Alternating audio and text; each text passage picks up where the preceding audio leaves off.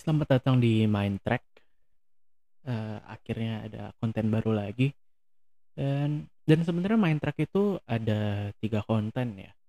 3 konten utama yang udah gue pikirin, eee, yang pertama itu man Mindtrack yang biasa. Di situ gue akan ngomong sendiri, monolog, eee, tentang apa yang ada di pikiran gue, tentang apa yang gue pikirin. Dan yang kedua itu ada Mind Trends, yang hari ini akan kita lakukan. Yang ketiga itu ada Mind Talk. Jadi di Mind Trends, gue gue jelasin apa dulu ya, Mind Talk dulu kali ya. Mind Talk itu ya, intinya ya gue ngobrol sama entar ada tamu gue, membahas satu topik yang ditentukan ataupun nggak ditentukan ya, bebas aja sih. Pokoknya gue ngobrol sama tamu. Dan kalau di Mind Trends, gue akan membahas ini konten yang cukup menarik menurut gue. Kar karena di konten ini gue akan mengangkat topik, eee, yang paling banyak dicari di Google hari ini, saat, eee, saat podcast ini direkam. Jadi gue akan lihat di Google, apa yang sedang paling banyak dicari hari itu, dan gua gua komenin menurut pikiran gue aja. Dan hari ini yang sedang trending di Google nomor 1 itu yang sedang sering di-search di Google adalah tentang Marga Latukonsina. Oke. Jadi sebenarnya ini buat yang nggak tahu, Marga Latukonsina ini dicari gara-gara sebenarnya lagi ada kasus yang melanda salah satu komedian di Indonesia, eh, salah dua sih tepatnya. Ada Andre Taulany sama Rina Nose. Jadi mereka berdua ini lagi lagi semacam ya bercanda-bercanda lah, bercandain namanya, eee, Prilly Latukonsina. Eee, dan dipleset-plesetin gitu nama Latukonsinanya. Gue lu gue lupa plesetannya gimana, pokoknya Latukonsinanya diplesetin aja. Dan di situ ya saat gue lihat sih biasa aja ya, cuman pas gue lihat banyak orang yang tersinggung ternyata, eee, dan gue juga gue juga baru tahu ya bahwa ternyata Latukonsina itu adalah nama marga gitu. Latukonsina adalah nama marga orang Ambon.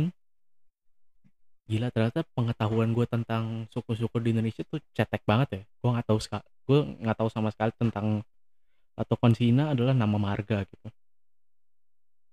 Eee, ya gitu sih intinya si A Andre Taulany sama Rina Nose ini lagi bercanda-bercanda di di TV. Dan ternyata ada orang Ambon yang tersinggung. Gue lupa namanya siapa Latukonsina gitu, karena dia merasa, kok nama marga Latukonsina itu di di dibercanda-bercandain kayak gini sih, eee, nggak seneng lah dia dan dilaporin ke polisi. Dan ini kan berarti si orang ini tersinggung ya, karena karena nama marga Latukonsina dibecandain. S eee, berarti hari ini sebenarnya gue akan membahas topik yang eee, awalnya gara-gara marga Latukonsina ini, cuman ini akan ber ini akan berhubungan sama yang yang namanya ketersinggungan sih. Gue akan bahas ketersinggungan. Karena sebenarnya kasus ketersinggungan sendiri itu udah umum di Indonesia ya, maksudnya umum banget gitu. Banyak orang-orang yang tersinggung terus lapor polisi. Dan ya gitu. Bahkan kalau menurut gue ya, benchmark benchmark bahwa lu bisa disebut sebagai artis adalah ketika lu sudah menyinggung orang lain dan di dipolisikan gitu. Kayaknya lu belum belum belum pas aja gitu disebut sebagai artis kalau lu belum belum menyinggung orang lain. Ya ya karena ya ini akan gue bahas sih kenapa orang itu tersinggung. Ini menurut opini gue aja ya. Eee, iya tadi gue ngomongin artis, sebenarnya gue nggak begitu ngerti artis sih sekarang ya, karena gue udah nggak nonton TV, bahkan di TV di rumah itu udah dijual karena emang udah nggak ada yang nonton TV lagi. Ya ya di rumah udah nggak ada yang nonton TV, udah pada bosan juga kan dan udah ada ha handphone gitu kan, semua bisa nonton di handphone. Jadinya di rumah udah nggak ada TV. Ya makanya gue akan membahas ke lebih ke tersing ketersinggungannya daripada dari segi artisnya, karena ini bukan acara gibah sih. Gue nggak gue nggak pengen gosipin artis. Mmm Menurut gua, orang Indonesia sendiri itu gampang tersinggung kayaknya deh. Gua nggak tahu kenapa ya, cuman orang Indonesia kayaknya memang orang-orang yang mudah tersinggung atas atas apa yang dilakukan orang lain gitu. Dan ya gue fine-fine aja, orang tersinggung kan ter terserah ya itu hak dia dan wajar-wajar aja untuk untuk sering-sering tersinggung. Wajar nggak ya? Nggak tahu ya kalau ter sering-sering tersinggung. Pokoknya ya wajar aja untuk lu tersinggung gitu. Eee, tapi gue masalah di saat ketersinggungan itu memberikan hak lu untuk lapor ke polisi. Ya ya ya ya okelah lapor ke polisi, cuman kan aneh gitu, kenapa lu karena lu tersinggung lu jadi boleh lapor polisi? Apa harus gitu lo lapor polisi? Kalaupun lu lapor polisi nih ya, terus lu kan nanti ada sidang, pengadilan gitu. Terus kalaupun menang apa apa apa apa yang lu dapet? Apa yang lu dapet dari dari kemenangan itu? Maksudnya kan orang yang menyinggung elu bakal tetep bukan bukan bakal tetep ada, maksudnya yang menyinggung elu akan tetap ada meskipun orangnya berbeda gitu. Masa lu mau laporin satu-satu? Masa lu mau, eee, karena lu tersinggung lu jadi menyerang semua orang gitu kan kayaknya sedikit nggak masuk akal gitu ya. Eee dan bayar pengacara kan mahal ya, buat buat buat pengadilan-pengadilan gitu kan bayar pengacara mahal. Masa lu mau bayar mahal-mahal pengacara cuman biar orang tahu, eh, bahwa, "Eh, gue tuh tersinggung loh. Gue tuh tersinggung loh atas kata-kata lu, gue tuh tersinggung loh atas tindakan lu." Untuk apa orang tahu bahwa lu tersinggung gitu? Dan lu bayar mahal untuk itu gitu. Konyol sih menurut gua, ya gua nggak tahu sih ya. Nanti gua bilang konyol, gua malah menyinggung orang yang orang-orang yang tersinggung itu. Gimana tuh maksudnya? Ya gitulah ya. Dan ya orang yang tersinggung akan bilang, orang-orang yang melaporkan orang-orang itu akan bilang bahwa, "Ya kan gue begitu biar biar gua, eee, biar orang ta orang tahu terus nggak melakukan itu lagi." Mmm, kayaknya ada yang salah deh sama cara pikir itu deh. Gua nggak tahu ya, cuman masa lu mau melaporkan orang-orang yang tersinggung supaya dia nggak melakukan itu lagi? Emang ketersinggungan itu pilihan orang lain ya? Bukannya ketersinggungan itu pilihan lu sendiri? Bukannya elu yang memilih untuk tersinggung atau tidak tersinggung ya? Eee, gua kasih analogi gini, kita kan lagi di masa-masa pandemi ya, lagi dirumahin semua gitu. Banyak orang yang nggak kerja dan akhirnya butuh sembako. Gua analogiin sembako. Bayangin gini, ada orang diabetes nih, ada orang diabetes. Terus dia di dikasih bantuan sembako dari tetangganya. Tetangganya mau bagi-bagi sembako ceritanya. Terus si tetangganya ini ngasih dia gula. Terus si orang diabetes ini ngomel gitu, "Maksud lu apa ngasih-ngasih gua gula? Lu lu nggak lu lu nggak mikir gua diabetes? Lu nggak tahu gua diabetes? Hah? Maksud lu apa? Lu mau bikin gue cepat mati apa gimana?" Dia bisa berespon seperti itu, atau dia bisa juga berespon dengan, "Oh iya makasih, eee, terima kasih ya gulanya." Udah dan tanpa masalah gitu. Maksud a ada 2 poin sebenarnya sih yang yang mau gue sampein gitu, dari analogi ini. Satu tersinggung itu kan pilihan lu ya, lu bisa memilih untuk tersinggung, bisa memilih untuk tidak tersinggung. Dan yang kedua, orang kan nggak tahu hidup lu, orang nggak tahu bahwa dia diabetes, or si tetangganya itu nggak tahu bahwa orang yang dikasih adalah orang diabetes. Kan dia niatnya baik, dia nggak tahu. Eee, maksudnya gini, kalau ditarik ke kehidupan sehari-hari, orang kan nggak nggak tahu apa yang menyinggung dan apa yang tidak menyinggung terhadap elu gitu. Orang nggak tahu lu akan tersinggung sama hal apa. Dan nggak mungkin juga lu kasih tahu segala hal yang menyinggung, lu kasih list gitu, "Oh gue tersinggung kalau gua ngelihat orang jalan kaki, kalau gua ngelihat orang bernafas, kalau gua ngelihat orang makan, minum." Eee, kan maksudnya lu nge lu nggak bisa nggak bisa kasih tahu itu semua gitu ya, aneh aja gitu. Masa lu mau kasih tahu itu semua? Dan kayaknya nggak bisa lu kasih tahu itu semua pun, bakal ada hal-hal yang Ya intinya gitulah, lu Eee, orang nggak kenal sih orang nggak kenal dan nggak tahu semua hal yang biki yang bisa beresiko menyinggung elu. Dan Ya ya gitu sih, ketersinggungan itu ya, akhirnya jadi pilihan lu sih, lu mau tersinggung apa enggak. Iya. Oh, gue gue gue punya cerita soal ini sih. Jadi, gue pernah denger, eee, cerita dari temen gue bahwa ada yang pernah nyumbang Indomie ke yayasan kanker. Ini gimana ya? Masa masa nyumbang Indomie ke yayasan kanker gitu, kita sama-sama tahu ya, eee, terbukti apa enggak sih gue nggak tahu, cuman at least kita sama-sama diajarkan bahwa salah satu penyebab kanker adalah makan mie. Dan lu menyumbangkan penyebab kanker ke para penderita kanker, ini konyol banget sih. Dan kalau gue di situ kayaknya gue bakal tersinggung deh, kalau gue orang-orang yang disumbang di situ kayaknya gue bakal tersinggung deh. Cuman gue mau bilang apa sih sebenarnya, ya gue udah kalau gue di situ berarti gue hidup aja susah gitu, terus gue mau tersinggung lagi, kayaknya gue nggak bersyukur banget sama hidup gue ya. Cuman ya itu sih, kalau lu mau ngomongin ketersinggungan ya ya gitu sih, itu itu pilihan sih akhirnya sih.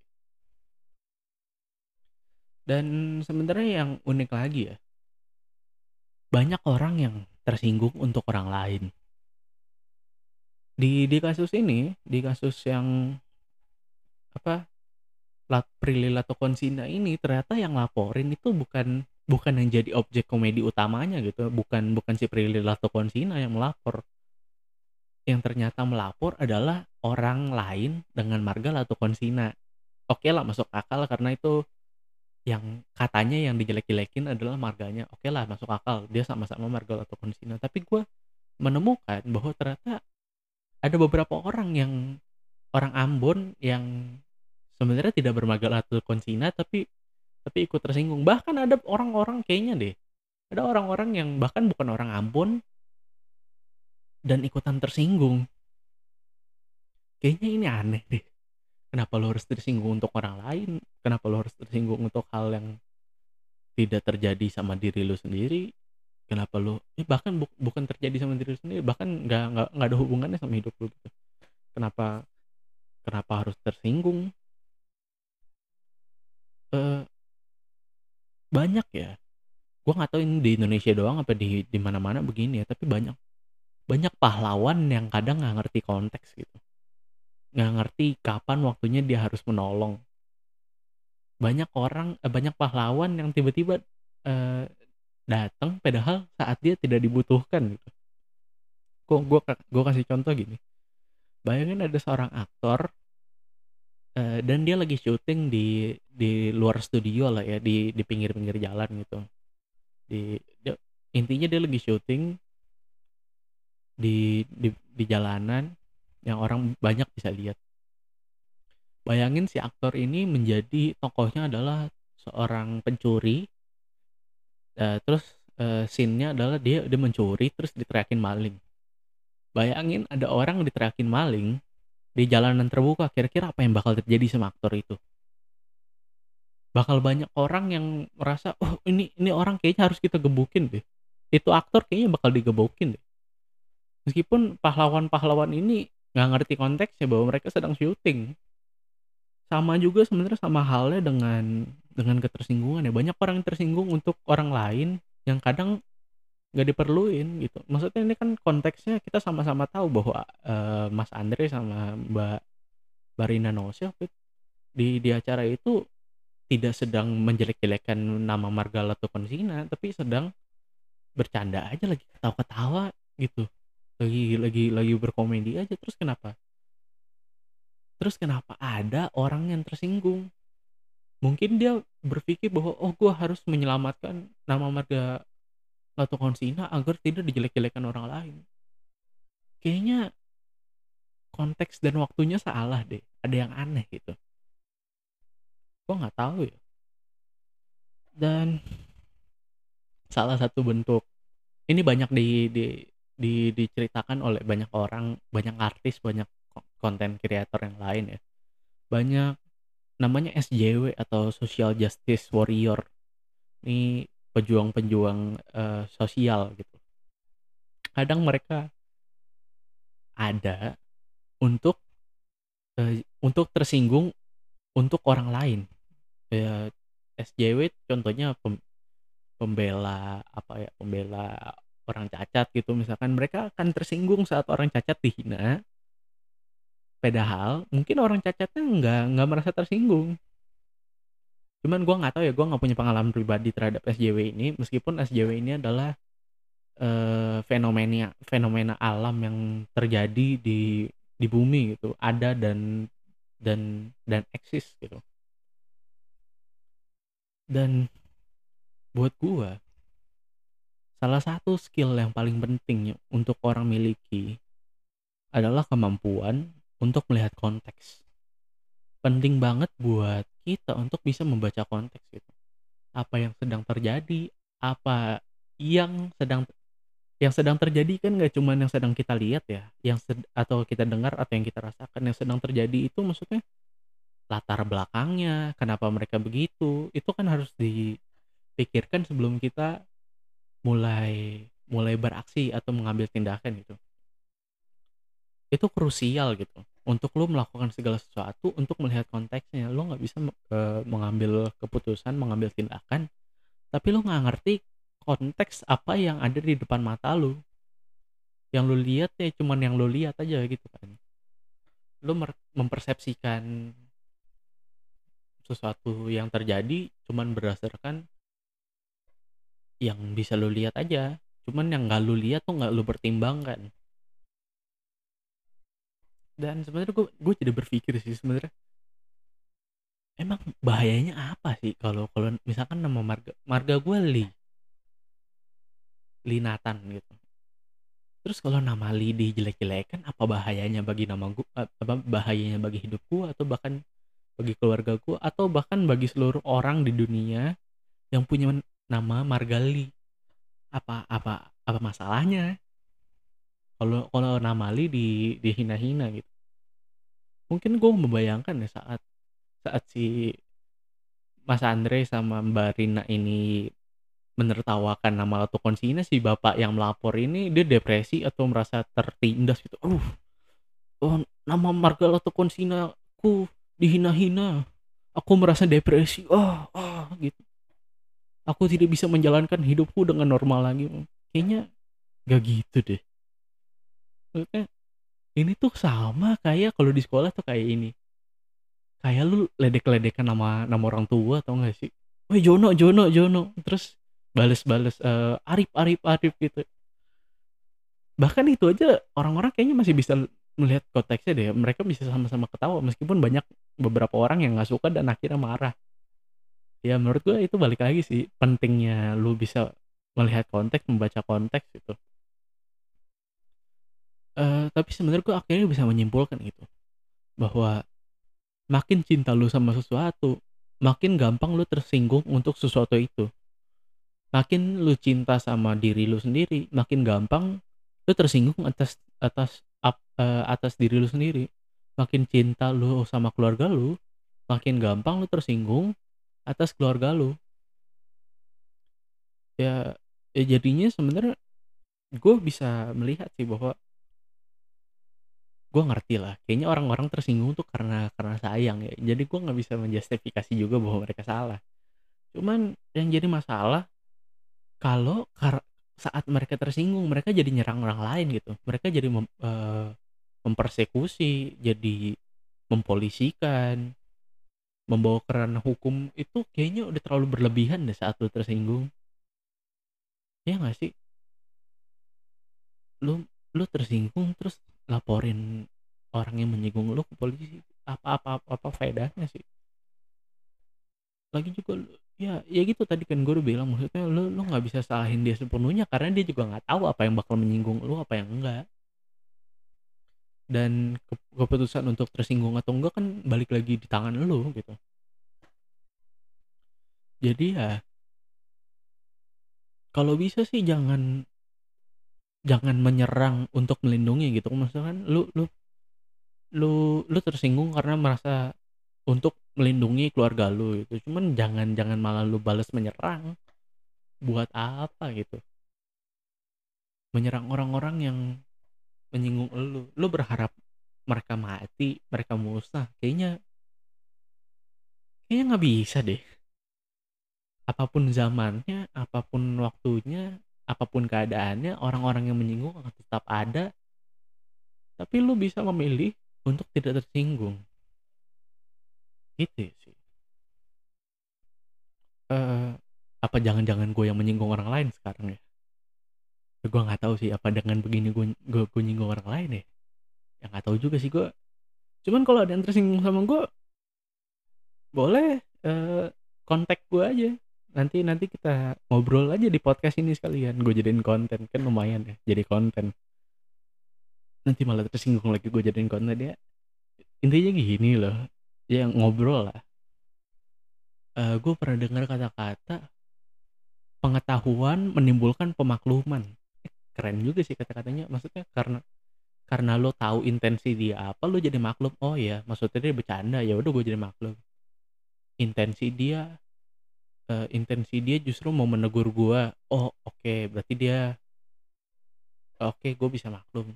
Sekalipun intensi dia oh dia mau jahatin gue. Ya lu bisa maklum gitu. Oh iya, memang dia mau jahatin gue, berarti eh ya gue nggak tahu ya. Lu, ini ini tergantung keputusan lu sih. Lu mau menyerang dia balik atau gimana? Cuman kayaknya nggak harus deh. Mendingan saat orang mau menjatuhkan lu, lu membangun benteng gak sih? Nggak harus lu siapin pasukan untuk nyerang dia balik gitu. Ya itu sih. Eh ada nggak sih yang tersinggung sama gue atas kata-kata gue di di podcast ini? Gue gua nggak tahu ya. Hmm, ya itu aja sih konten main trends kali ini. Eh mungkin berikutnya akan ada main talk sama tamu ya. Jadi jadi gue bakal ngobrol nanti sama sama orang lain kan. Bosan gue kalau dengerin suara gue sendiri doang. Jadi gue bakal undang orang lain untuk ngobrol sama gue biar nggak bosan-bosan banget. Segitu aja main trends dari main talk. Eh gue Nathan. Thank you for listening.